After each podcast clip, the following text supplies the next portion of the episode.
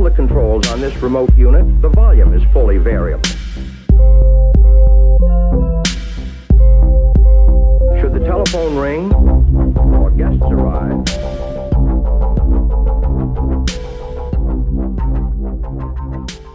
Men eh, jättekul. Jag, jag vet att jag har pratat för en del av er. Ehm, jag hoppas att det inte blir, eh, det kommer bli upprepning.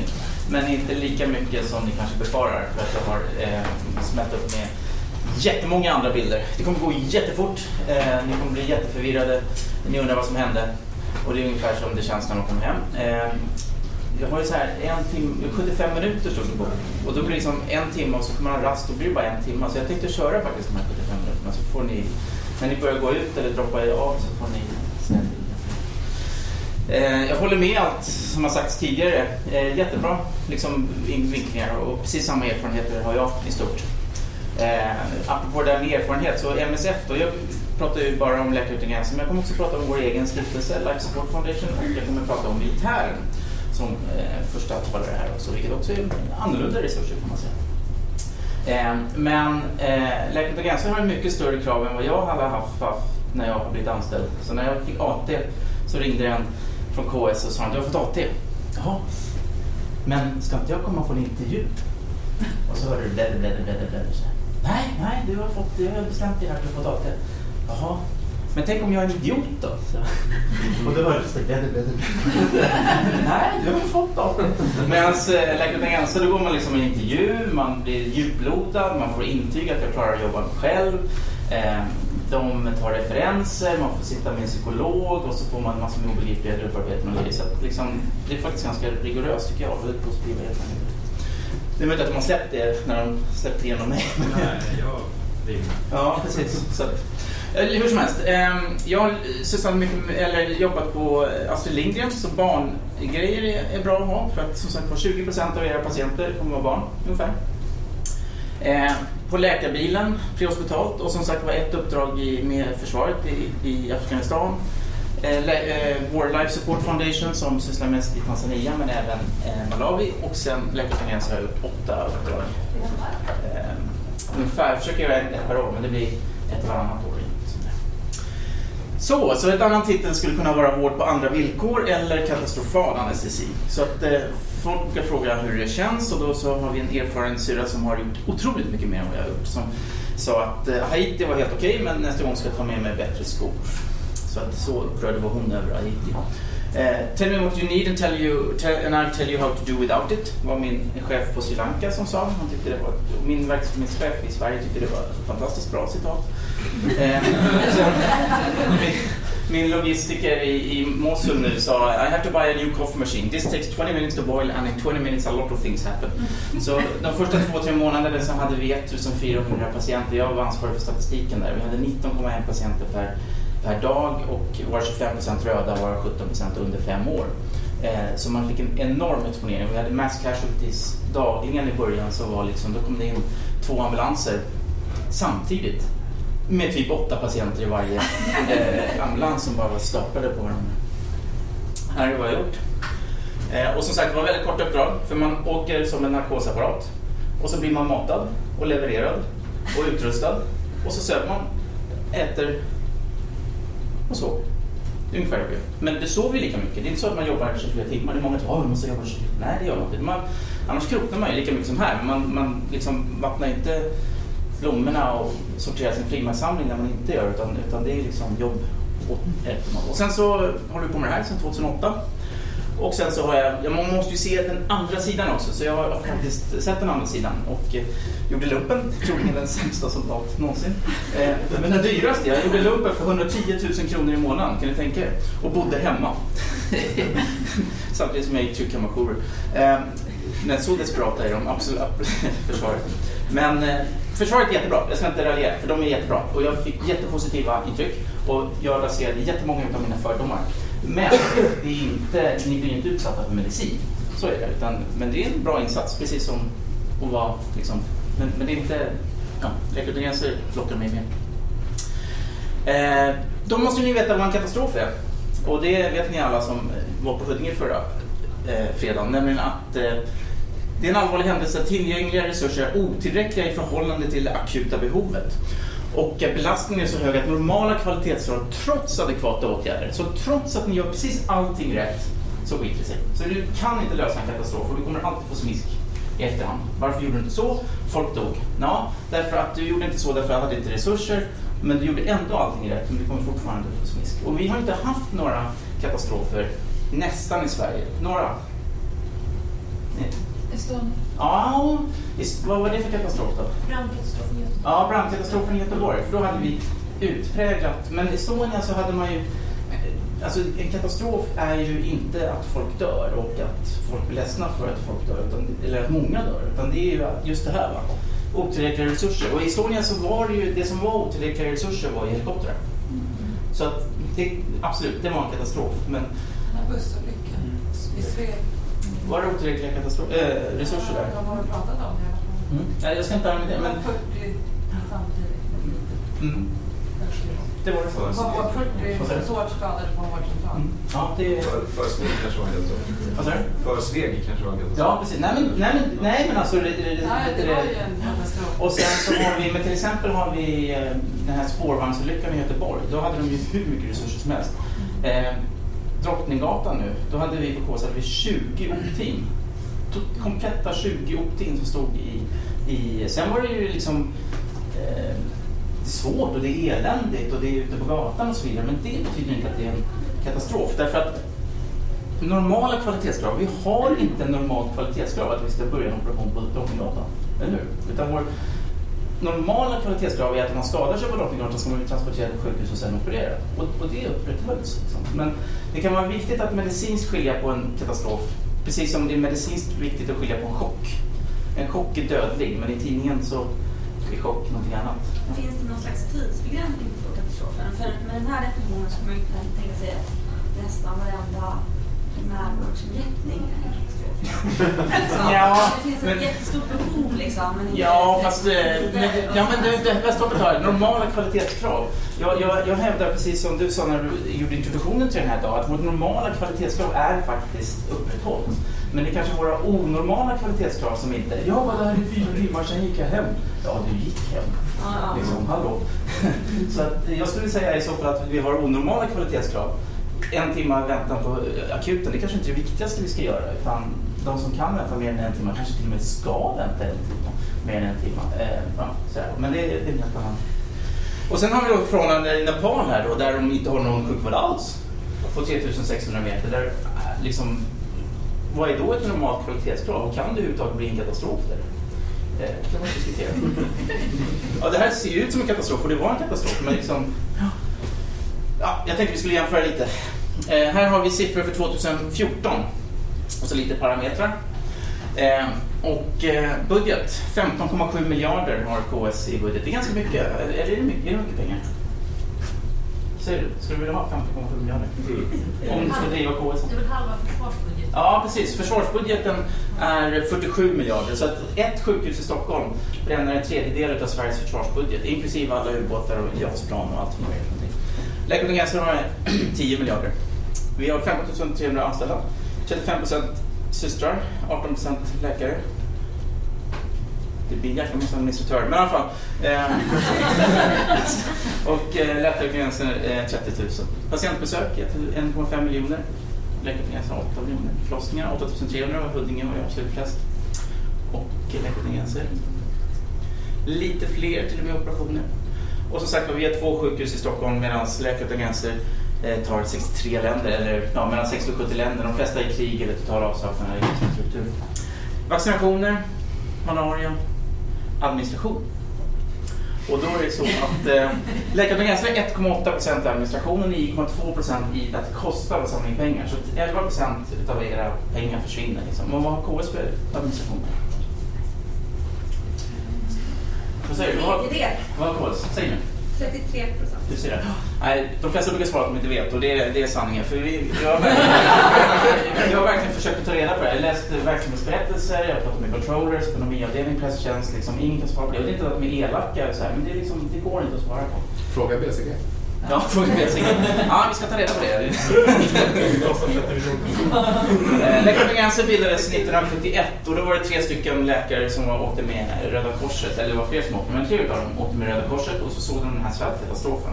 Röda Korset har som policy att de inte berättar vad de ser och därför så får de också åka överallt. Till exempel Guantanamo-fängelset och Nordkorea och överallt var de är någonstans. Eh, och då bildade de då eh, en, eh, när de kom tillbaka. Och då hade de Medical Action First och Témoignage. Och Témoignage betyder vittna i syfte att eh, förändra. Så de ville vittna. Så det här tummar ju vi på därför att om vi vittnar, om vi säger vad Sri Lanka gjorde 2009 så blir vi utstängda från Sri Lanka. Eh, och i efterhand så ångrar vi att vi inte sa vad vi såg i Sri Lanka. Men ja, det är alltid en, en balansgång där. Och liksom, vi jobbar ju ofta, eller nästan alltid i någon sorts konfliktområde. Eh, Men, men, men just i tanke på att vi har, jobbar i ett konfliktområde så är de här tre väldigt viktiga, nämligen oberoendehet, opartiskhet och neutralitet. Och den där oberoendehet det betyder, och opartiskhet betyder att vi eh, till exempel inte tar pengar från stater utöver 20 procent av budget. Så att i Sverige vill Sida ge jättemycket pengar till Läkare och vi tar inte emot det. Nej tack. Utan vi vill ha från er. Så 80 procent ska komma liksom från privatpersoner utan motkrav. Även om Sida inte har några motkrav så kan Slanka argumentera för att vi tycker en viss sak i en viss fråga därför att vi vill få pengarna från stat- svenska staten. Förstår ni? När vi tycker att folk gör något dumt så tar vi inte emot pengar. Till exempel när USA bombade oss i, i Kunduz blev vi lite upprörda. Och då sa vi att nu vill vi inte ha några fler pengar från er. Och det har vi inte heller. Däremot får vi pengar från amerikaner. Men det är en annan sak. Eh, och sen neutralitet, det är väldigt viktigt. Som jag också brukar, alltså neutralitet betyder inte att man inte har en åsikt. Utan vi har ju témoignage så vi måste ha en åsikt. Så vi, jag kan säga att eh, tamilerna, eh, eller Sri Lanka ska inte vara dumma mot tamilerna. Eh, de ska inte skjuta tamiler kan jag säga. Och det är ju, kan man ju då säga, tycka att det är oneutralt. Men det betyder ju inte att jag tycker tamilerna är bra. För det är en terroristorganisation och de skjuter ju srilankeser och det är lika fel det. Eller till exempel att jag tycker inte Israel ska bomba Gaza. Sen har jag ingen lösning på problemet, det är en helt annan sak. Men det är inte min uppgift som läkare. Eh, men det betyder inte att jag tycker Hamas är bra. Jag har personligen sett vad Hamas gör och det är inga trevliga saker. Men däremot så bor det ett antal personer i Gaza som inte har gjort någonting och som inte har något pass och kan inte komma därifrån. Och, och så att, lösningen står jag inte för. Men man kan fortfarande vara neutral. Utan, för neutralitet, att vara oneutral, det betyder att man tar sida, man väljer sida i förhand. Sverige är bäst, vad än Sverige gör. Jag har valt sida, eller hur? Så det är väldigt viktigt att komma ihåg den skillnaden. Nu börjar vi. Är ni beredda? Mm. Shoot. Nigeria ligger där. Nigeria ligger där. Det är den folkrikaste staten i, i Afrika, 150 miljoner eh, på någon miljard. Eh, det är också den rikaste afrikanska staten, den som har kommit i närheten av att betala sin statsskuld. De exporterar olja, mer, nästan lika mycket som Norge. Hur mycket har Norge i sin oljefond? Norge har, sist jag tittade, ungefär 3000 miljarder svenska kronor. Så det betyder att de kan köpa alla svenska företag på alla svenska börser kontant imorgon. eh, och eh, det kan eh, Nigeria också, som är ett afrikanskt land. Skillnaden här då, det är att det är väldigt segregerat. Så tittar man här så ser man lite, lite områden och de bor ju inte honom. Alltså, du har någon procent som lever i absolut fatt, eh, rikedom och så har du ungefär 75 procent som lever i absolut fattigdom och som ägnar sin tid åt att försöka ta det från honom. Sådär. Och, och, och sen kan man ju tänka sig så här att han har ju inget intresse av...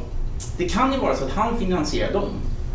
Därför han har inget intresse att, att Nigeria ska bli ett Norge. Eller hur? För då skulle man ju sätta in en oljefond och sen skulle inte han göra så mycket mer. Så att vem som ligger bakom, det vet jag inte. När jag kom dit så vårdade vi en kvinna. Eh, det här var från ett tidningsurklipp. Och då var det tre katter som åkte över en motorväg. Och så kom det en bil och eh, dödade den ena katten som dog. Och sen den andra katten sprang iväg och den tredje katten förvandlades till en kvinna. Och det här såg ju pöbeln eh, och började stena henne. Så de här skadorna fick hon av, av de som stenade henne. Och det här är från, den tidningsurklippet har jag hemma och då stod det After enough beating she confessed of being a witch. Eh, och ni kanske minns för några, några år sedan så var det en nigeriansk familj som sökte socialbidrag för att häxutdriva sin 13-åriga dotter i Sverige. Och så var det jätterubriker och jättestort. Och det var det. Men det, det är verkligheten. Så de lever i en religion och ett samhälle som liksom vi inte ens kan föreställa oss och som är extremt svårt att sätta sig in i.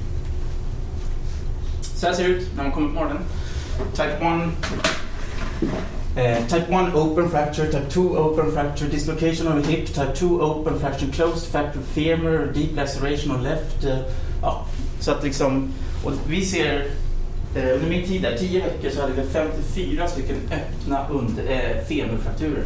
Hur många under sin hela karriär här har sett en öppen femurfraktur?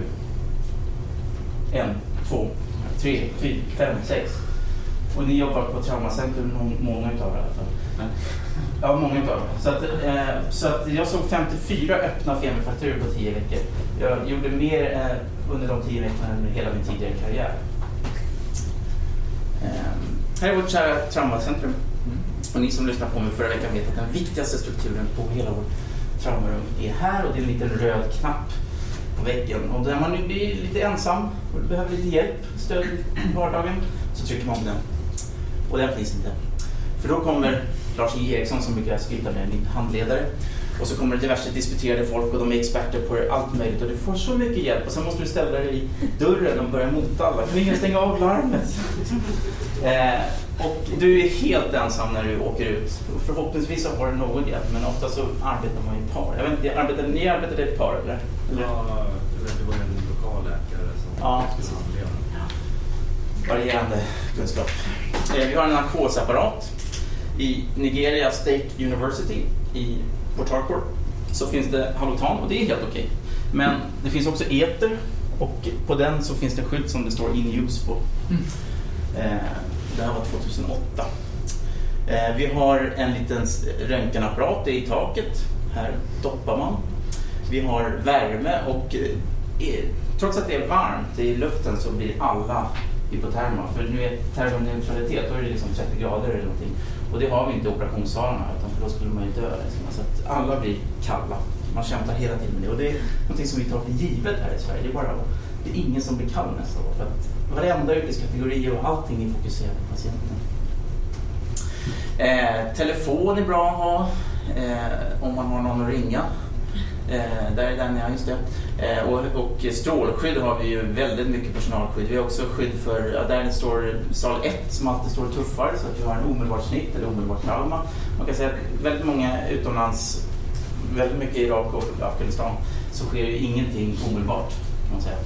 Eh, I Sri Lanka sker det absolut inte omedelbart utan omedelbart är ett högst relativt begrepp. Eh, och många, jag har faktiskt fått det svaret, men när går bussen när den är full?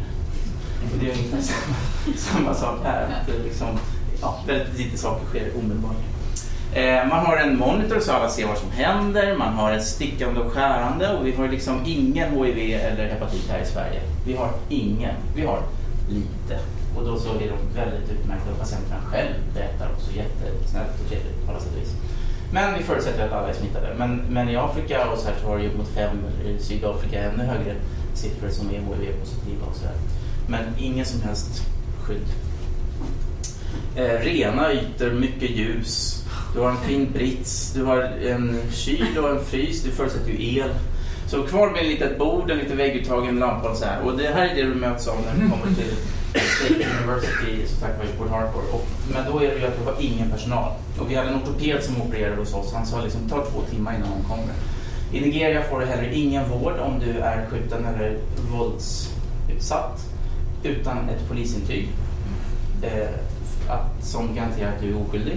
Och det polisintyget kostar ju pengar förstås. Och det är helt nödvändigt för att få någon form av vård. Även om du är skjuten i huvudet och är fyra år så måste du få ha- ett, eh, ett polisen. Och du får ingen vård. Det är liksom, det sak, du får ingen vård. Och sen så får du dö. Eller åka till oss helt enkelt. Vi hade, kommer in folk med liksom helt groteska skador som kommer till oss i andra hand. Just det, Nig- nigerianska sjukvården tar inte hand om det. De kommer de till MSF istället. Ja, så tar vi hand förstås. Så MSF är ju vår, det enda kravet vi har det är ett att du är obeväpnad. Vi, om, om du vägrar lämna ifrån dig ditt vapen så eh, får du ingen vård. Och om du vägrar fortfarande så gå vidare ifrån. Du får inte heller som oskadad ha uniform. Som skadad får du ha uniform. Men du får inte verka. Vi släpper in folk som har ett, vi samarbetar ju med alla aktörer, inklusive stridande parter, därför vi är neutrala. Men däremot så får du inte ha liksom, en bas eller någonting verka inom för sjukhusets väggar. Eh, här är Nigeria och här ligger den här bolken, den är inte planterad där så man följer ATLS-konceptet och här är vård i världsklass faktiskt. Eh, liksom, vi är fullt team med alla yrkeskategorier, vi har utrustning, vi, har en, eh, vi följer ett koncept med bra resultat. Så, första visdomsordet från Trump. Glöm ditt ego. Han är en bra ambassadör för det. Eh, eh, så teamet är allt. så. Och när jag kommer tillbaka så är jag så sjukt eh, liksom, eh, sällskapssjuk. Liksom, så, ja, så ska vi söva en liten patient så här. Bara, kan, inte, du, ska inte vi göra det tillsammans? Så bara, dö, liksom. Du kan väl göra det själv? Eller liksom. man, man hör liksom, mellan raderna. Ja, men det är så trevligt att vara tillsammans. så liksom, och det är först när man har verkat helt ensam som och det, det, är läskigt alltså. Det är läskigt att vara helt, helt ensam. Det finns ingen annan att hjälpa dig. Det finns ingen annan som du kan ta råd av. Det finns ingen annan som kan hjälpa dig när det skiter sig. Och det skiter sig ganska ofta. Eh, framförallt när det är extremt skadade patienter. Liksom. Så det är en jättepersonlig resa. Att testa, inte bara testa vingarna utan överhuvudtaget identifiera att de här vingarna finns. För det är någonting som inte vi fattar riktigt när man, när man jobbar med hur, hur ensam man är. Men precis som tidigare talare har snackat så finns det en syrgaskoncentrator. Ingen behöver ju mer än 3 liter per eh, syrgas. Vi har en minutvolym på 6-7 liter så vill man ha mer så kan man dubbelkoppla två sådana här parallellkopplar. Då får du 6 liter med 94 procent. Du behöver aldrig mer. Då ska det mer syrgas till. Det är bara AGA som applåderar. Eh, och så har vi den här. Har ni pluggat på edan? Jag hade pluggat på edan och så sen den där kommer jag aldrig drabbas av. En Oxford Miniature Vaporizer, eller vad den heter. Och så satt jag där tre månader senare. Vad är det här? vad gör man? Och så skruvade av locket, hällde upp lite så här tafatt halotan som jag hade ingen aning om vad det var. Men det spelar ingen roll, precis som, precis som du beskrev, för vi kunde ändå inte mäta det. Utan det fanns ingen chans att mäta halotan. Och den där dialen här, det spelar ingen roll ifall jag visste hur många procent det skulle vara där. För att det, det gick, jag fick ingen skärm på mig, utan det enda man hade är en, en pulsoximeter. Utan då får man gå på det här kliniken. Det är sjukt häftigt helt enkelt. Eh, och så, så lite som möjligt muskelrelaxantia förstås så att de kan protestera.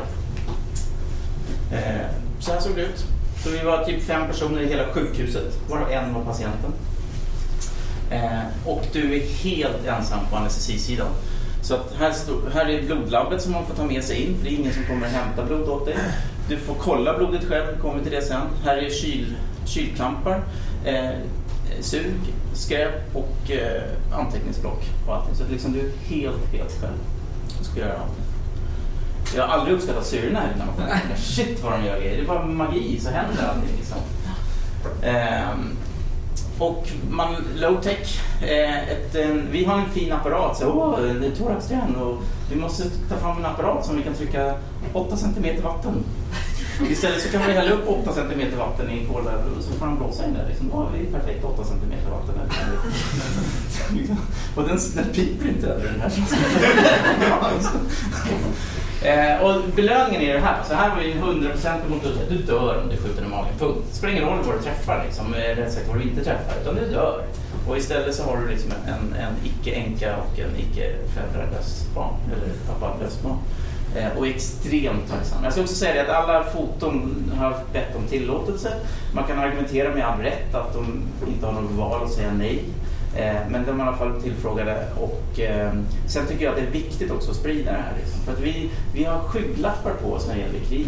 Ni kommer se jättemånga hemska bilder. För krig är krig och krig, alltså oh, det är jättehemskt men man har aldrig i Sverige förstått vad hemskt krig är. Så, ja. Eh, här är en kurva. Eh, jag är ganska duktig här tycker jag faktiskt. Som jag får mm. Small, det här var injury. Small bowel, right adrenal, right eh, mm, kidney, vena cava, duodenum.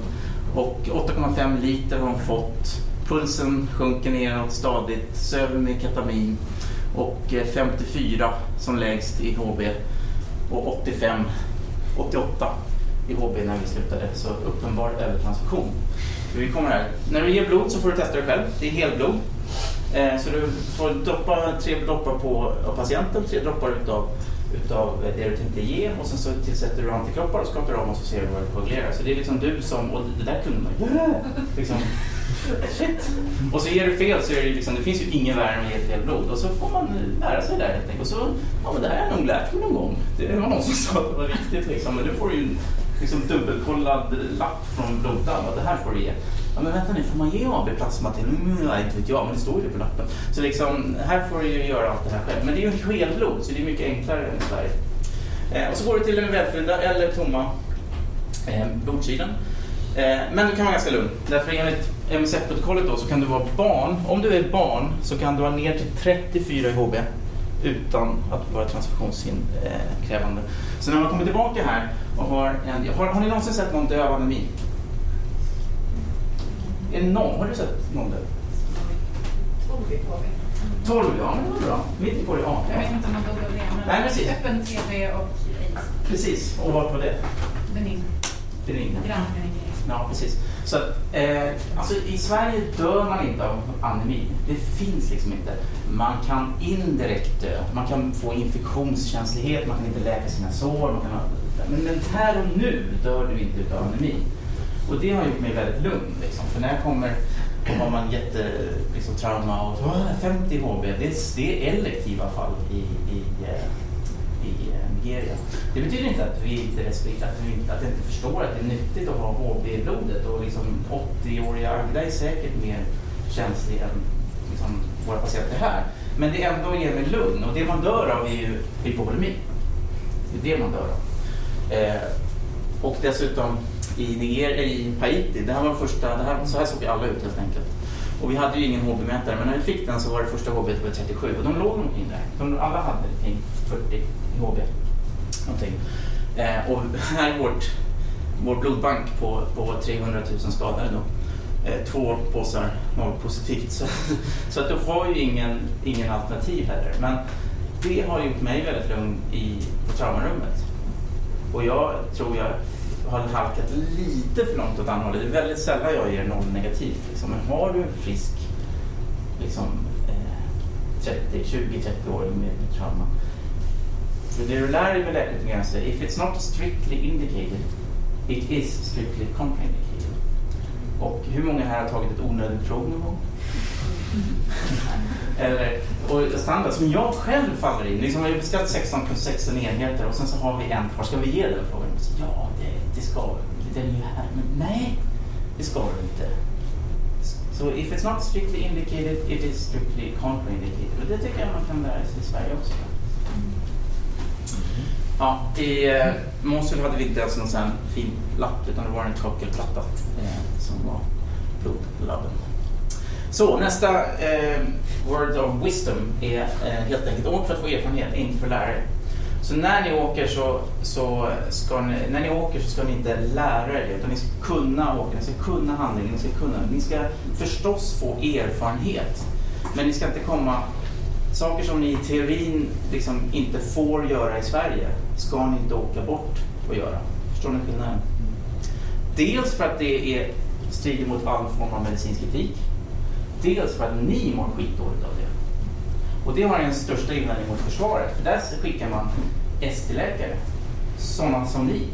Helt enkelt. Och här får inte ni verka utan omedelbar backup. Liksom. Därför att, och blir det någonting som händer, om en soldat blir skjuten i Afghanistan så är det värsta tänkbara skador. Ni har en höghastighetsvapen eh, som någon blir skjuten av. Det blir inte värre. Eh, och då måste ni, om ni åker iväg då, så måste ni känna er komfortabla. Det här fixar jag. Och det gör inte jag heller. Men jag känner mig komfortabel att jag har i alla fall jag har liksom kommit, jag kan inte, kun, i min kapacitet, jag liksom kan med gott samvete säga att om jag inte klarar det här så kommer jag inte kunna klara det sen heller säkert. Och det betyder inte på något sätt att ni är sämre, för många är av er pinsamt mycket bättre.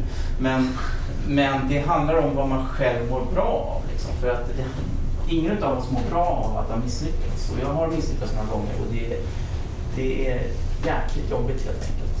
Och alla gånger har det varit utomlands. För i Sverige så trycker man bara på den här fina röda knappen och då händer det saker. Då ska ni må bra av att misslyckas, om man nu får uttrycka sig så, så, gäller det att åka. Men kan saker. Men ni kan alla saker, det ska ni också veta. Man får rätt lite mindervärdeskomplex här i Sverige, men ni har sjukt bra utbildning. Och det är liksom, det är, ni exponeras för så mycket och för så sjuka patienter och för så bra allting. Så att ni, ni, ni platsar. Ni platsar. Jag var liksom så här i USA, alla deras eh, läkare som kan allting och jobbar hur många timmar som helst och så här. Och jag är inte ett dugg bättre, men jag är helt i paritet med, med dem. Och liksom, det är en ganska kul upplevelse om man säger så. så att, eh, vi ska värna om vår föräldraledighet och fem veckors semester och, och vabbande och allt vad vi har för någonting som vi helt förkastat i många andra så kallade hög eh, västerländska länder. Eh, man ser saker som sagt var eh, överallt. Eh, vi har samma etik eh, utomlands och vi amputerar, vi gör ingenting med patienterna utan att de ger sitt tillstånd. Det är väldigt ofta att de inte ger sitt tillstånd som man håller på med helt groteska saker. Men vi kan inte inte ge dem vård bara för att de inte vill ha vården. Någonstans går gränsen men man håller på att lägga dem helt hopplösa saker. Sen till slut vill de acceptera en amputation och då vill de ha kvar eh, kroppsdelen för att kunna begravas med den när de sen dör. Vilket förhoppningsvis är åtskilliga år i framtiden. Och vad de gör med den här vill jag inte veta. För det är liksom ingen el och det är 30 grader varmt. Och, eh, ja. Man ser saker som liksom finns inte. Eh, en erfaren eh, obstetriker i, eh, med life support familj. Hon är en överläkare i Sverige. Hon har sett sju, åtta eklampsifall. I Mobile i Tanzania så finns det en eklampsiavdelning. Eh, så att liksom du blir exponerad för en caseload och som inte finns. Engelska sjukan. De varierande graden utav kompetens. Här har vi en väldigt ambitiös dokumentation. När man så frågar dokumentation, allting dokumenteras. Och det finns hur många dokument som helst. Och de ska alltid, man får inte göra någonting utan att man slår upp en bok och så ska man anteckna allting. Och det spelar absolut, det är bara ballongas. För det, är liksom, det står olika saker, de har ingen aning om, de skriver alltid samma tid på allting och så vidare. Och så vidare.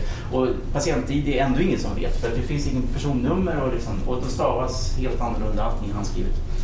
Admitted from the OT, operating theater. Transfusion work crisis, bla bla bla, fick lite vätska. The vital signs were okay, but for the pulse, which was increasing from 126 to 135 to 153 to 158, and blood pressure dropping. Otherwise stable. och vi kom ju här då vid sjuktiden och då skulle de just ge 80 milligram Furix, liksom, för den kissar inte heller. Liksom. Eh, Furix är den mest överanvända medicin som finns. Om man skulle öka överlevnaden globalt så skulle man förbjuda tillverkningen av Furix och ge obligatoriskt en liter Ringastat eller Natriumklorid eller whatever till alla patienter som överhuvudtaget tänker komma till en sjukvårdsinrättning. Då skulle vi eh, ha en stor impact på dödligheten. Nothing per oss until reviewed. General condition encouraging. Och den här håller på att blöda igen. Inte, inte snart utan nu. Eh, här är också en bra. Smärtlindring, du snackade om snabbt smärtlindring. Vi har kommit långt till Nigeria. Här är fint, fina grejer. Vi har pain score här, har man, man utvärderat. Plus, plus, plus, plus 0, 0, 0. Perfekt. Smärtlindrad efter att ha fått morfin och paracetamol och, och eh, lite morfin här också. Ja, jättebra. Det enda lilla problemet med den här bilden det är att den är tagen klockan 18 och eh, de är smärtskattade till morgonen efter. Och eh, alla administreringsgrejer. Så, och sen så, det var ju förstås ett misstag. I'm sorry. Nu går man runt i alla och det är precis likadant och de ligger och råsover. Liksom. Eh, och eh, det är ju eh, delvis för att de har en annan mentalitet som inte är hänsynslöshet och inte lathet men är någonting som jag ännu inte riktigt kunnat sätta fingret på. Förstår du vad jag menar? Du, du berörde det väldigt bra. Liksom att på något sätt så är det some live, some die. Och liksom, who am I? Liksom. Eh, och, eh, sen är det också så att de lever i en verklighet där de, de får inte betalt för det här. De får betalt av Läkare utan gränser men inte tillräckligt för att klara allting annat. Och det är inte de stjärnskotten som jobbar inom sjukvården kan man säga. Eh, för det är inte ett bra ställe om du vill kunna försörja en stor familj och så vidare. Och så vidare. Det finns inget låginkomstland, eller höginkomstland för den delen, som eh, betalar bra för sjukvården. Det har vi ju oss själva ganska nära. Hur? Även om alla tycker att det är jätteviktigt. Sen kommer vi hem till Sverige och då blir man jätteglad. För då har vi byggt en liten ramp på 4530 övergångsställen så man kan åka barnvagnen lite fint så här. Och sen så har man ett eh, jättesoffa på, tre- eller armstöd på 3667. Det här var i juletid också så Clas Ohlson hade börjat sälja radiostyrda eh, heliumballonger. Eh, utformade som en haj. Och, och det kändes väldigt bra. Äntligen hade kommit till den civiliserade världen. Eh, men då hade man varit i en, en- ett land där man satte ett kryss på den här byggnaden och sen så om man inte betalade skatt till den som sa det, satte det här krysset så rev man huset helt enkelt. Eh, problemet var att det fanns ju ingen myndighet som gav byggnadstillstånd utan det här fanns bara en väldigt effektiv myndighet som, eh, som eh, tog pengar om man inte hade något byggnadslov. När jag åkte ut från Nigeria så frågade killen när jag röntgade min väska så frågade han, jag smugglade ju ingenting, jag skulle ut, jag skulle hem. Och då sa han, do you have something for me sir? Eh, vad skulle jag möta honom för? Jag skulle bara hem, det här är ju liksom ingenting. Utan det är kutymt att man ger lite pengar till alla officiella. Eh, det är hemsk trafik, jag frågade min chaufför, eh, do you need driver's license? Och då blev han lite upprörd och så sa han, yes of course. Okej. Och sen frågade han, do you want one? och då skulle det kosta tusen pengar. Eh, det var inget problem. Eh, men det, den här, vi höll på med någonting här borta som medicinskt prioriterat. Och under tiden så höll de på att lägga om den här flickan. Och hon skrek. Och det gjorde infernaliskt ont. Och hon skrek och skrek och skrek. Och det som var liksom hjärtskärande, det är att, vad kan hon vara? 5, 6, 7, 8, whatever. Men ingen höll i henne. Så här lägger man om ett helt trasigt ben med inte helt obetydligt vitie, eller liksom blodvite och ingen håller i henne. Det är en sak att man lägger om det utan smärtlindring, men en annan sak att hon faktiskt går med på det. Och det betyder att hon i den åldern har vuxit upp i en kultur där hon vet att det här kommer göra ont, bara byta ihop, det finns inga alternativ och så är med det. Syrran som var här på den här avdelningen, hon sa till mig Nigerians don't feel pain. Och då var Fan, jag ångrar i efterhand att jag inte bara klippte till eller någonting, för då skulle ni ju sagt aj förstås. Men alltså, eller hur? Känns det igen? Eh, luftväg. För vi går vidare till Sri Lanka. Boom! Nu åker vi till Sri Lanka. Sri Lanka ligger här, strax eh, under Indien någonstans. Eh, tamilerna, norra sidan och eh, sri lankeserna, eh, södra sidan. Jaffna-halvön. Och eh, där gör man allting. Eh, där var ju då kontrollerat av eh, inte tamilerna, men gränsen var alldeles där. Och där är det precis civiliserat. En, en eh, kirurg från Hongkong och här håller vi på att lägga en göra en appendektomi på en tioåring. I Sverige är det nästan oetiskt att lägga en ryggbedövning på barn. Varför är det det? Ja, därför vi har kanske andra alternativ. Men det är inte medicinskt kontrolliserat på något sätt. Så allting som man kan göra lokalbedömning är jättebra. Man skulle kunna söva dem också med den här jättefina apparaten som står här. En toppmodern Dräger som är generöst given av någon generös person. Eh, problemet är att vi har inget sätt att analysera. Det är ett cirkelsystem, slutet system. Totalt kontraindicerat att söva med det utan att monitorera hur mycket FiO2 och solgaser och sådär. Dessutom drivs den utav tryckluft. Eh, och det finns ju inte. Eh, så att, men det är en bra skrivbord. Man kan lägga massor saker på. och, och det ännu värre är ju då att det kommer ner, vilket det gjorde under min besök, det kom ju Nisse från Siemens, eller vad det nu var, Dräger eller vad det nu från Tyskland för att serva den här. Liksom. Och det brukar ha den, liksom, det värsta som kan hända dig, liksom, det, är, det är att du vinner en Lamborghini Countach på lotteriet. Bara, ho, ho, jag vann en fem miljoners bil. Bara, shit, på skit. Och så ska du betala försäkring 50-60 tusen per år och så ska du ha garage för annars snor den bilen utav och sen så fort du överhuvudtaget tänker på tanken på att åka med den här bilen så drar den liksom 10 liter per mil. Så det kommer ju vara din största eh, förlust någonsin, din olycka att du faktiskt vann den här fina bilen. Och det är samma sak här, här har man fått en jättefin eh, maskin som är helt värdelös. I Nigeria har man fått en jättefin ambulans, jättebra, eh, förutom att däckdiametern då inte gick att få tag på Eh, så första punkan, vilket händer omedelbart därför att eh, det finns ingen vägverk, eh, så står den där helt enkelt. I Sri Lanka var vi också, såg vi väldigt mycket konstiga saker. Det här var ECT-behandling som vi inte blandade oss i. För det var inte alltid man ECT-behandlade vad vi tycker är rätt diagnos om man uttrycker det så. Andra saker så, och det här som vi såg, såg jag på en bok som låg där, Hold, eh, Holding a child for tie and cry anesthesia. Och då kan man ju diskutera om det är etiskt. Eh, och är eh, gränsfall för att eh, det finns ju inget säkrare sätt att ta livet av någon än att söva dem utan kunna sina saker. Eh, men det är någonting som finns i världen i stort och det finns till och med läroböcker om hur man lindar filten så att de inte kan trassla ut armarna. Eh, vi hade en jätteseptisk kvinna som kom in som bara totalkroknade, som vi sövde. Eh, och eh, hon dog tyvärr, men då så var det en eh, gynekolog från Österrike och när hon höll på att operera så sa hon ah, it's an unsafe abortion. För hon hittade den här pinnen då. Eh, så, och och eh, det är förbjudet med aborter i Sri Lanka. Och då får ju hennes man stå för de juridiska konsekvenserna. Eh, därför att det var en lokal person som hörde det här när vi var på operationssalen. Eh, som då berättade till polisen. Så att, ja, helt sjuka, groteska saker. Eh, Pharmacy. Nej, jag vet inte vad som hände, men han, Han blev avdragen som... Vad sa du? Blev han... Nej, det tror jag inte. Men han fick stå de juridiska konsekvenserna. Han blev, det var inte... Ja, det är förbjudet helt enkelt. Och det är samma sak här. Läkare utan gränser utför inga aborter. Men det är väldigt vanligt med blödningar som måste skrapas. Eh, sjukt vanligt faktiskt. Eh, nästan en folksjukdom kan man säga i vissa, vissa delar av världen. Eh, men vi utför inga, absolut inga aborter för då blir vi ju iväg. Eh, så det gör vi absolut inte. Eh, men det är ganska vanligt blödningar. Ehm, och läkemedel så här, det, så här ser det ut i vårt skåp. Vad ska man ge? Ringacetat eller natriumklorid? Ja, men man har båda. Nej, man tar det som gick ut minst så natriumklorid i det här fallet. Och sen så antibiotika, allting börjar på C ändå. Så det spelar ingen större teater.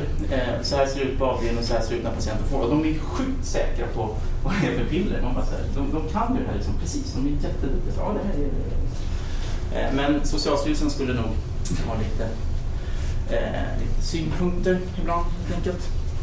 Eh, är det så att du jobbar i fältet och behöver till exempel en, ett, eh, någonting, då slår du upp i fem stycken tjocka kataloger som står här.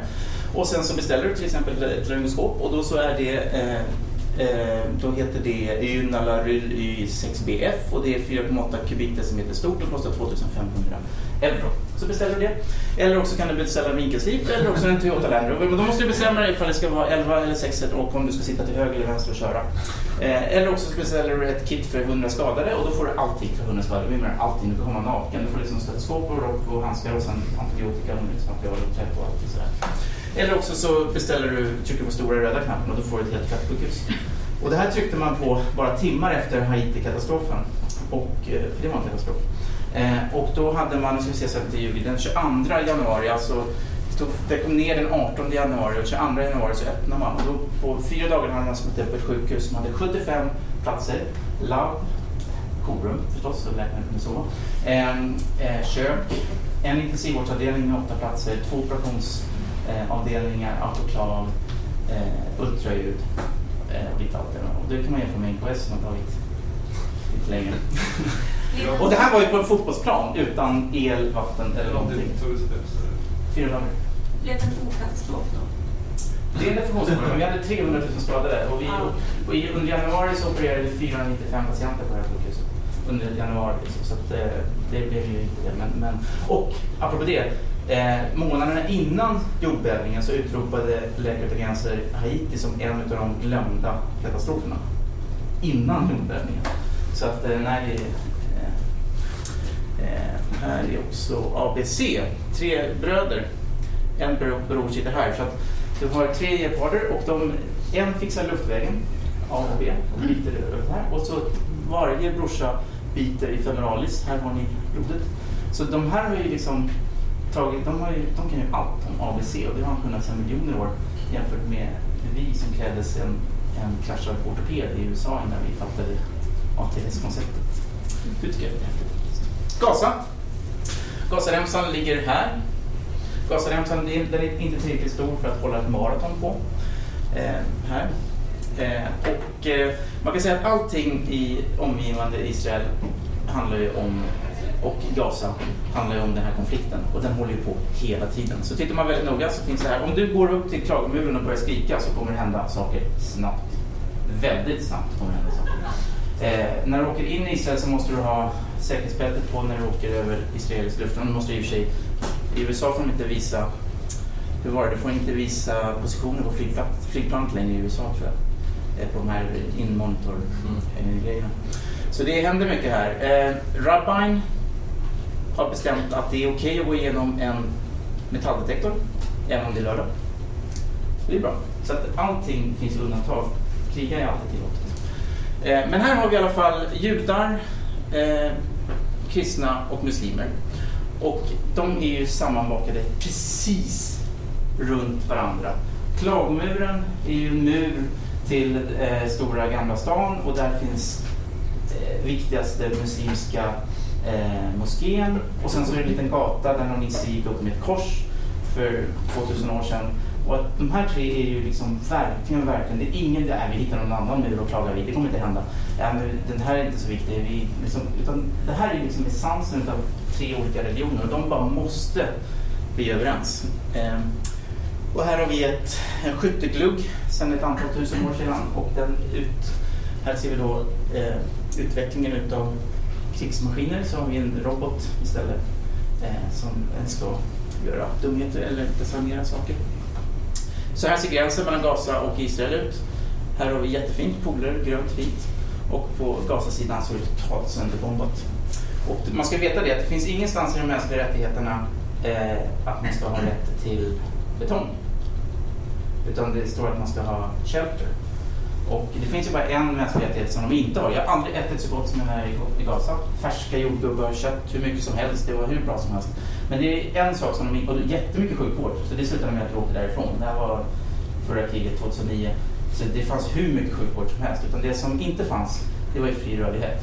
Och det finns ju fortfarande inte. Så att när du åker ut därifrån så är det tre portar, tre portaler. En för eh, Israeli citizens, Israeli passports. En för eh, all other citizens. Israeli passports, all other passports och all other citizens. Och är du palestinier och bor i Gaza så får du ditt pass. Och det är ingen som godkänner ditt passutfärdande så att du kommer inte därifrån. Det spelar ingen roll ifall du har UN på, utan är du på fel ställe så blir du drabbad. Och det här kommer tillbaka till att man ska inte blanda ihop humanitära saker med militära saker. För det är två olika saker. Och i Sverige ska vi akta oss för att blanda ihop humanitära saker, alltså vårt arbete med polisen. För det är så, trots att vi ibland inte tycker det, så ska alla få sjukvård. Oavsett vad de har gjort. Oavsett vad de har gjort så ska vi ge sjukvård. Det är inte vårt jobb att bestraffa någon eller behandla någon sämre. Och ibland får vi påminna oss lite faktiskt. Men kom ihåg det, att det finns andra mer eller mindre effektiva myndigheter, polisen, diverse andra saker som ska fixa det andra. Utan ni ska ju ge vård till alla oavsett vad de har gjort. Eller Ibland glömmer vi bort det lite grann. De här har inte gjort någonting i alla fall, men de blir drabbade. Det här är något. Jag var inte där, eller jag, jag vårdade honom, men han har brännskador som eh, ja, man kan diskutera var han kommer ifrån vilken typ av krigsgrej. Luftväg igen. Hur man inte, det finns faktiskt en magisteruppsats från Kolmården hur man intuberar en kraft. Om ni är nyfikna. Sri Lanka igen åkte jag bort när kriget var över. Och i Vavunja så samlade man då alla de här tamilerna. Och här skedde, 2010 var det väl, 2009, så skedde saker som vi för 70-80 år sedan sa inte skulle ske mer. Det var det jag sa, att vi ångrar oss efter annars inte vi berättade vad det så. Eh, därför här låste man in bakom taggtråd bara på basis av att du var tamil. Och, och eh, försökte du fly därifrån så, så blev du skjuten helt enkelt. Eh, och vi var bara MSF där och en indisk organisation. Eh, och hade vi sagt någonting så var argumentet att vi skulle bli ivägslängda också. Men i efterhand så ville vi nog, skulle vi nog ha gjort det och blivit stängda. Eh, så kom man tillbaka stilla dagar i Sri Lanka för då var kriget officiellt över. Men åkte ni till Sri Lanka, jag tror att nu har det blivit bättre, men åkte ni då och bad guiden, du skulle vilja åka till norra Sri Lanka, hur ser du det där? Då undrar jag vad svaret hade varit. Men där lärde jag mig allt. Eh, gräva latriner och eh, precis som man skulle göra och vilka fall och allting. Så att, och sen så hade, satte vi ihop det här till det där och började operera. Det var 30 grader i tältet. Och den första patienten var en 5-6-årig flicka som hade blivit skjuten. Eh, och hur många skottskador som helst såg vi. Här är en sjukdom. Eh, jag har aldrig sett så många flugor i hela mitt liv. Eh, det var flugor precis överallt. Här är droppställningen på den här. Men det är ju inga flugor på insidan, så det är helt rent. Och så skulle jag ge honom det så bara, vad i helskotta? Eh, men den var ju på rätt sida med planet också. Så att, ja. Och så träffar man en hel bunch med galningar. Eh, jag trodde man bara träffade folk som ville bort någonstans ifrån och var allmänt konstiga. Och det var ju rätt. För att eh, de var jättekonstiga men hur proffsig och professionella som helst. Alltså, de har gjort allting. Eh, den här var logistikern. Han pajade någonting så här. Då var det bara, det var inte ringa utan det var bara fram med lövkolven och, och han fixade ju allt. Liksom, så här.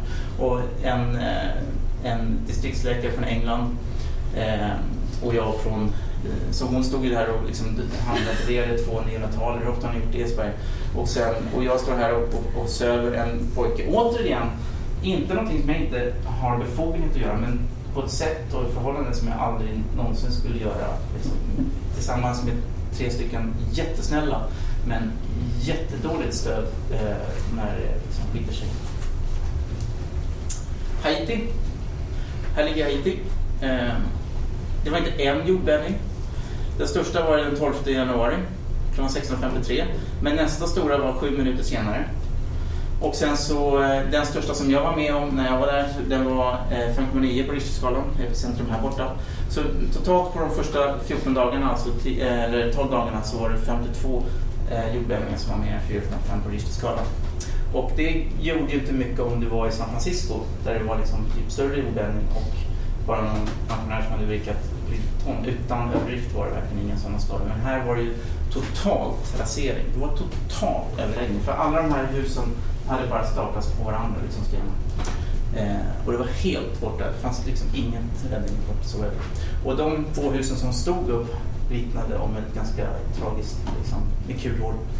Eh, det var inte ett lugnt ställe innan, precis som MSF hade sagt. Eh, welcome US Marines. Eh, we need your help. Dead bodies inside. Eh, och de här siffrorna, 80 000 omedelbart döda och 140 000 döda till nyår, är tyvärr inte siffrorna för Haiti utan det är siffrorna för Nagasaki och Hiroshima. Så Hiroshima så dog 80 000 på en gång, 140 000 till årsskiftet. Det här var i augusti. Och, så där såg det ut efter Hiroshima Eh, de här två bomberna. Och eh, motsvarande siffror som man tror i alla fall i Haiti var 230 000 omedelbart döda och 300 000 eh, skadade och över en miljon hemlösa. Så det var, liksom, det var en katastrof utan dess like. Ingen ville sova inomhus. På ytan såg det ganska bra ut. Ni ser också hur högre upplösning blir på satellitbilderna efter veckan går. Men det här huset som var Läkare Utan Gränsers hus, det bara, hela första våningen har bara försvunnit. Liksom, liksom, och så hade det dunk hela alltet. Och tyvärr var det vårdavdelningarna och där de flesta av personalen så också. Så att eh, stanken här var omänsklig. Liksom. Helt borta. Och så låg det lite handskar och sug. Eh, men vi startade ett eh, center i, i, på apoteket som var tvärs över gatan. Och där sövde vi på operationssal 1. Eh, och alla låg utomhus för ingen ville lägga inomhus för det var ju efterskalv precis hela tiden. Eh, och det var inte bara en patient utan det var en röra. Och vi skrev på förbanden när man skulle lägga om dem nästa gång och, och allting sånt där. Eh, jag höll till i en container, operationssal 2, vilket var alldeles fantastiskt. Och dit rusade alla när det var efterskalv. Då kom ju de till containern och så var det, oavsett vad man höll på med förstås. Eh, det var inte så här. här är vår autoklavavdelning. Eh, så att återigen, vi opererade bara med sterila instrument och allting men den där gick ju dygnet runt hela tiden helt enkelt. Och eh, bara det som vi fick in i den här tryckkokaren kunde vi autoklavera. Eh, vilket var typ allting i och för sig. Myggnät för alla sår. Och, Det är en tryckkokare som är allmän. ja, jag tror det. Eh, alla autoklaver är en tryckkokare i någon Ja, form. precis. Ja, det är inte en tvång. Jag kan inte svara på det, men det, är, det ser ut som en tryckkokare i alla fall. Och den är inte mycket större, för annars har vi ju stora, liksom, riktiga... Eh, allting, återigen, samma etik, vi märker allting, vi ger samma läkemedel. Eh, det är bara kompetenta personer. Han var en väldigt kompetent eh, fransk eh, narkosläkare som jag, alltså man lär sig så sjukt mycket och de har liksom sett allt, gjort allt. Eh, vi gjorde väldigt avancerade ingrepp eh, med full kompetens, men fortfarande med, med medicinsk eh, correctness. Med andra ord, det känner ingenting till att, liksom, att sy igen eller göra någonting. För det är infekterat, kommer bli infekterat. Men hela tiden hela vårdkedjan. Vi var väldigt arga på väldigt många organisationer som bara kapade väldigt fula amputationer. Eh, som man var tvungen att revidera och göra saker och så här. Så att, eh, återigen så var, ville de inte bli amputerade. Eh, ketamin. Lite medicin också. Ketamin kan man ju använda för precis allting. Det spelar ingen roll från jag har sidoläge. Min kanadensiska kollega när han kom tillbaka sa att it's very nice to be back but uh, I keep forgetting I need to intubate.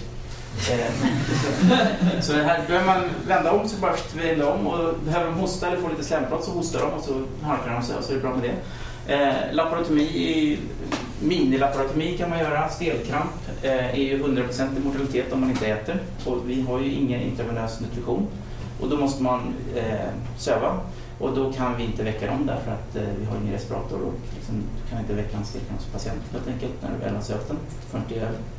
Så då får vi göra lokal bedömning och ketamin. Eh, det går också att göra på alla åldrar. Eh, och inte ens syrgas behöver man för bara vi monitorerad. Så den gemensamma faktorn här är pulsoximeter, pulsoximeter, pulsoximeter. Eh, och det är det man kräver. Så det är en wonder drug but not magic. Så man ska fortfarande inte göra kejsarsnitt utan eh, förstås eh, säkra luftväg.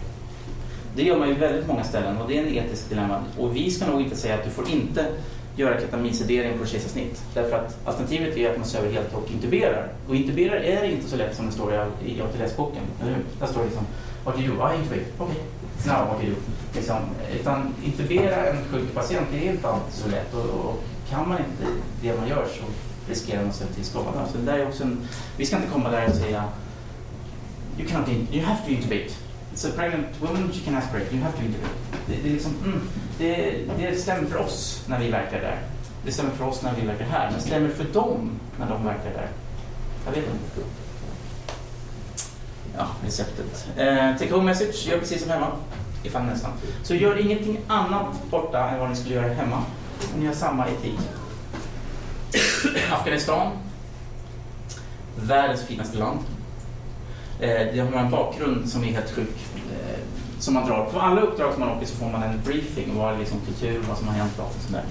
Och det som har hänt är ju Rambo 3. Va? Om ni tittar på Rambo 3 så, är, så, så spelar han eh, sandpolo, kamelpolo med, eller hästpolo med, med Mujahedin-fighterna, eller hur? Och i slutet av Rambo 3 så står det, eftertexterna så står det This film is dedicated to the proud Mujahedin fighters of Afghanistan. Eh, sen så hände det lite saker. För först började talibanerna spränga de här och då tyckte vi att det här var kanske inte så trevliga ändå.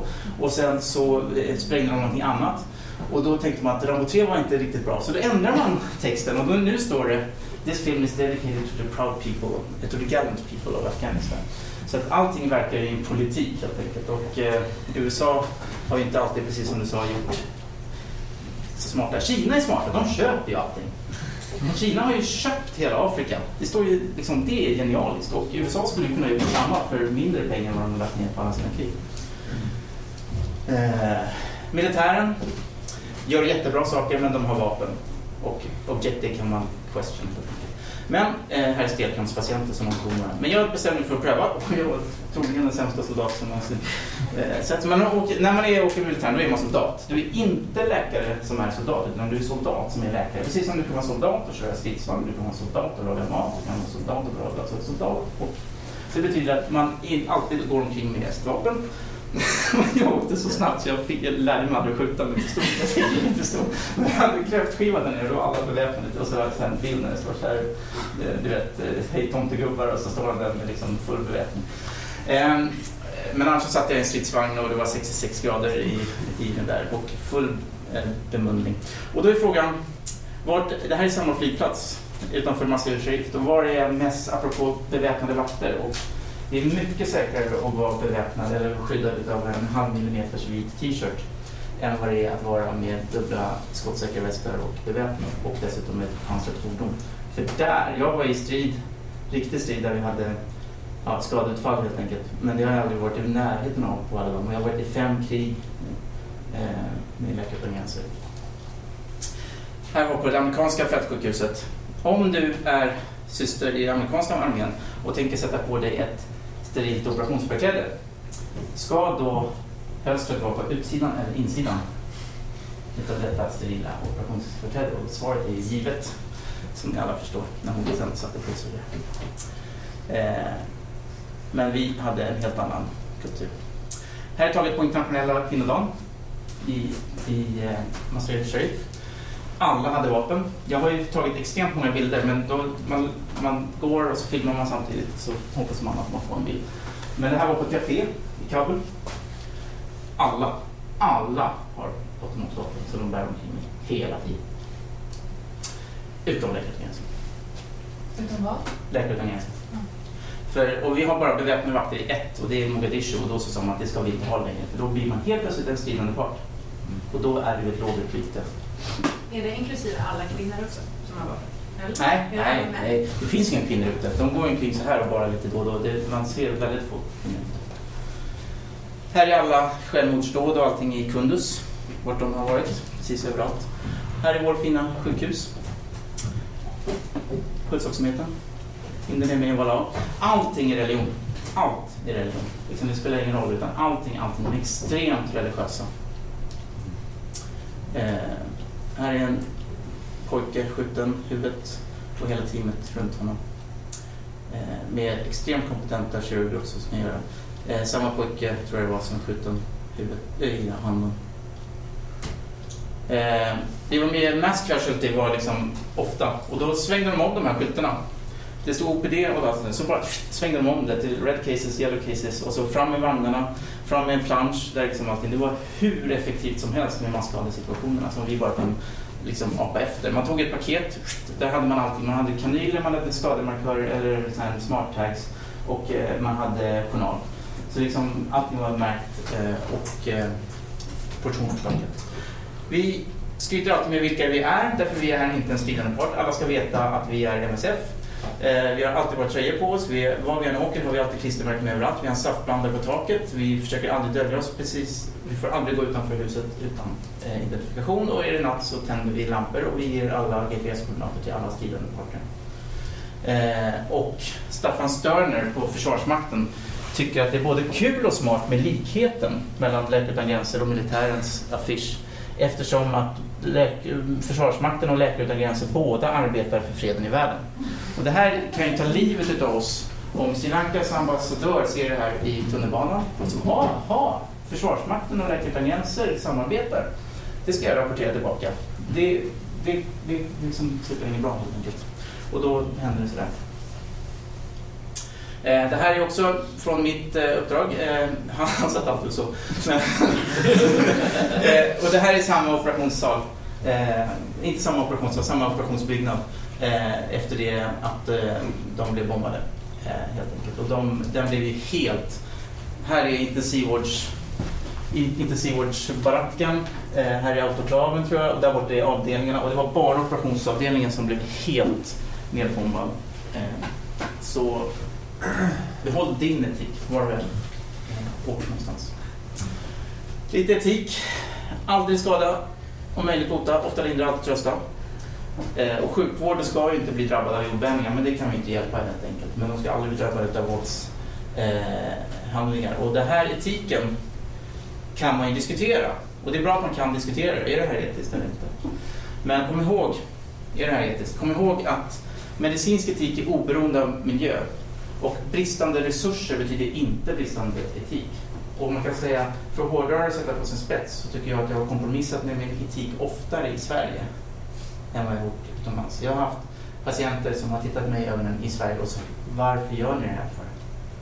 Eh, det var en, en äldre herre som skulle, vi skulle lägga en PEG eh, för att han skulle nutrera sig. Och så tittade han på mig och liksom, gör vad ni vill liksom. Eh, men det var inte för hans skull vi gjorde det. Utan det var kanske lite, lika, minst lika mycket för vår skull. Nepal. Fantastiskt land. Han, eh, satt inte, han ville inte ha vård för sin struma, han bara satt och undrade vad det var för kommers som höll på där. Eh, spetälska. Galna ryska piloter och så hade vi eh, vårdcentraler på helt sjuka ställen. Eh, sen träffade vi den här killen. Han bara kom till oss och sa han, eh, det här. Och det här är exempel på då en fantastiskt fin operation. Säkert en intern fixation. Otroligt steril, otroligt fin. Men hur i helvete ska han få bort dem där? För han har ju sen liksom blivit skjutsad tillbaka till sin lilla by. Och vi hade ju bokstavligen ingenting än stenar. Liksom. Att, att, det fanns ingen metall, det fanns liksom ingenting. Och vi hade ju lite pengar, vi hade jättesvårt att få bli av med dem. Vi var liksom värdelösa pianger som vi försökte pilla bort dem där med. Men det här är ju ett typiskt exempel på hur vi inte kan exportera vår västerländska kunskap till ett setting helt förutsättningslöst. Nu dog den här också. Så här kunde det se ut i eh, Nepal. Och då är det återigen, då är det, liksom, det är bara en helt hög. Det är bara liksom, man undrar ifall någon har skuffat ihop den där med en bulldozer. Nej, utan den har bara fallit sönder. Och så nästa hus är helt intakt. Av outgrundlig anledning. Och sen nästa här. Och den här byn till höger här, den ligger på var 3600 meter. Och så landade vi mitt ihop det här, fick en jättebra lång kö av folk som ville ha vård. Och sen så åkte vi hem. Och jag satt, jag satt och hade den här och sen så satt jag, satt jag ner och så sa, åh, så frågade byhjälten till mig, är du trött? Och då sa jag yes. Och så fortsatte vi jobba. Sen åkte vi hem med helikopter på kvällen. Bodde i ett jättefint hotell därför vi måste ha internet. Och satt och åt liksom grillad mat. Och innan vi åkte från flygplatsen så kom piloten till mig och sa med ett paket kex. Och sa han, den här är din. Så. Och då sa han, nej det är inte mitt paket kex. Eh, och då sa han, jo det är det. För att byhjälsten, precis när vi skulle lyfta så kom byhjälsten med det här paketet. För du sa att du var hungrig. Eh, så då fick jag ett oöppnat paket kex utav byhjälsten. Det var säkert liksom typ det enda de hade. Och, eh, för att vi kunde, då liksom, så det är fortfarande oöppnat, ligger hemma i vårt vitrinskåp. Eh, men det är liksom ett betyg på, eller mått på hur otroligt uppskattar man kan känna, eller vad liksom mycket nytta med det. Mosul på fyra minuter. Ni har redan sagt allting. Daesh, Sunni Shia, Saddam Husseins. Och det som var här helt enkelt, det var att det finns olika, det finns Sunni och Shia. Absoluta majoriteten är Sunni. Och de tror på eh, kompetens. Och medan Shia tror på arv.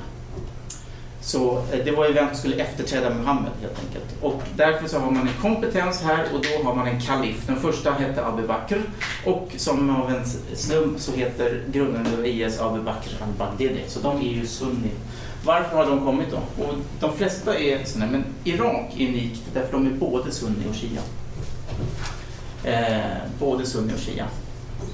Och det som hände när man arresterade eh, Saddam, det var att man hade en, det här var contingency, någonting, agency, att man, debathification som du nämnde. Och det var att inga sunni fick ha officiella uppdrag. Och alla sunni var ju i ledande ställning och var generaler och var allting sådär. Och det betyder ju att man fick omedelbart en IS-rörelse med bara sunni helt enkelt. Så det är bara, och han har man fortfarande inte lyckats få tag på. Eh, och det har ju konsekvenser för hela världen. Eh, hoppar över det här. Men de här brukade, du hade sunni och shia, det var Irak, Iran, Syrien, Turkiet, Kurdistan, polis, armé och milis. Det finns hur många som helst. Alla var emot IS. Och jag sa när jag var där nere, jag höll den här, när jag kom hem, så sa jag att de kommer börja bråka och det har de gjort nu. Nu är de inte heller så åt alla länder, nu har de besegrat IS och nu är det bara alla mot alla. Kurdistan är ju mitt, emot, mitt i tre olika länder, de har till och med egna tv-sändningar med väderkartan liksom. Och en egen armé. Det kan bara sluta på ett sätt. Eh, här är våra patienter. 25 procent röda, bara män nästan, och 17 procent är under fem år. Eh, vi hade trailers som man åkte iväg med, som man opererade i en trailer helt enkelt. Helt sterilt, helt rent. Jag ska hoppa över de här bilarna, men försåtsminering var jättevanligt. Så att eh, den här pojken hade kommit tillbaka till sitt hus och så hade de blivit, eh, och sen så öppnade de en låda som exploderade. Och eh, pappa, mamma dog, pappa fick sitt ben allvarligt skadad och eh, eh, så barn är extremt vanliga. Följ ATLS-grejen. Hur många gånger som helst så vänder man på patienten och så hittar man någonting där. Eh, extremt aggressiv debriderande kirurgi och ultraljud. Så ska jag ta med mig någonting så är det ultraljud. Ultraljud och ultravideoendoskop är det som jag skulle vilja ta med mig på önskelistan. Eh, en hel familj som kom in med svåra eh, skador från eh, eh explosioner. Eh, splitter. Om du har en splitterskada, så under varje splitterskada så finns ett splitter. Det är ju självklart, eller hur? Men man fattar inte det förrän man har sett det. Så att det är liksom, det är logiken fallerar, men det är självklart att det är så. Så man hittar ju splitter precis överallt. Och det tar ju hur lång tid som helst att ta bort allt det här. Eh, en skottskada som hade skjutits, skjutits här, kommit ut här. Och det här gjorde vi i lokalbedömning och han klagade inte ett dugg och jag tror han mådde ganska bra också.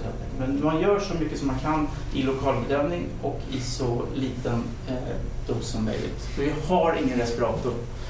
Eh, återigen, alla våra bilodrön, nästan alla fick bilodrön, har en simpel så här non-return bell. Och det funkar alldeles utmärkt. Det funkar också med en vanlig kisspåse, KD-påse, för den har en ventil. Som ni vet, så att inte, man kan hålla den upp och ner utan att kisset blir tillbaka. Eh, alla var gravida. För det finns ju hur många barn som helst. Eh. Och hennes utrustning var helt slicead. Vi ställde upp med ett helt komplett team, inklusive neonatolog och eh, liksom helt enligt konstens alla regler. Och det gick inget bra förstås. Och när hennes syster berättade det här för henne så blåljög hon till patienten. Hon sa att hennes man var helt okej, han var jättedöd.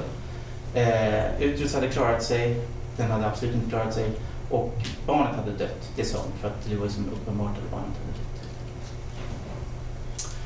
Eh, ja, jag har lite upplevelser från det. Jag ska sluta nu. Jag ska se om jag har något. Den här vill ni se. Ser ni paradoxala andningen där? Och Dr. Ken, Dr. Åsam som han hette. Han hade sitt ultraljud. Nu diagnostiserar jag mig fast. Eh, jag hoppar faktiskt över resten. Det var lite personliga upplevelser. Spinal har jag redan pratat om. Media var helt sjuk. Och media i Haiti uppvaktade oss så in i bomben ända tills Körberg var otrogen. Och det- den 22, eh, 24 januari så var, det fortfarande, så var det inte intressant längre med vad vi gjorde. Och Angelina Jolie var där också. Och jag missade tyvärr det men jag photoshoppade in mig själv där så jag tänkte jag ska ta mig lite i alla fall. Eh, och sen så lite djurhushållning, där låg när man skulle intubera och sen så tänkte jag bara säga att alla undrar hur det är att komma hem. Och det är ganska trevligt att komma hem. För då ser det ut sådär. Då har, då har, då har ni rivit Karolinska så att det kändes ganska normalt helt enkelt. Eh, och alla var jättesnälla, man hade hur mycket insamlingar som helst. Eh, och det vill jag avsluta med att, att kan ni skänka en kaffelatte i månaden så är Läkare Utan Gränser väldigt tacksamma. Och Life Support Foundation, vår egen, är också väldigt tacksamma. Eh, vill ni inte det så kan ni ha lite bortförklaringar här. Jag är bakis. Eh, jag orkar inte, jag har precis ätit lunch. Den här tycker jag är bra. Eh, vad ska ni ha pengar för? Ni jobbar ju gratis. Eh, sista visdomsordet är, eh, ni har ju massor med val i livet helt enkelt och eh, säg yes på allting. Så, eh, så kommer ni exponeras för jättemånga väldigt intressanta saker och väldigt många roliga saker också. Och ni kommer träffa sjukt många häftiga folk. För det är någonting som är unikt.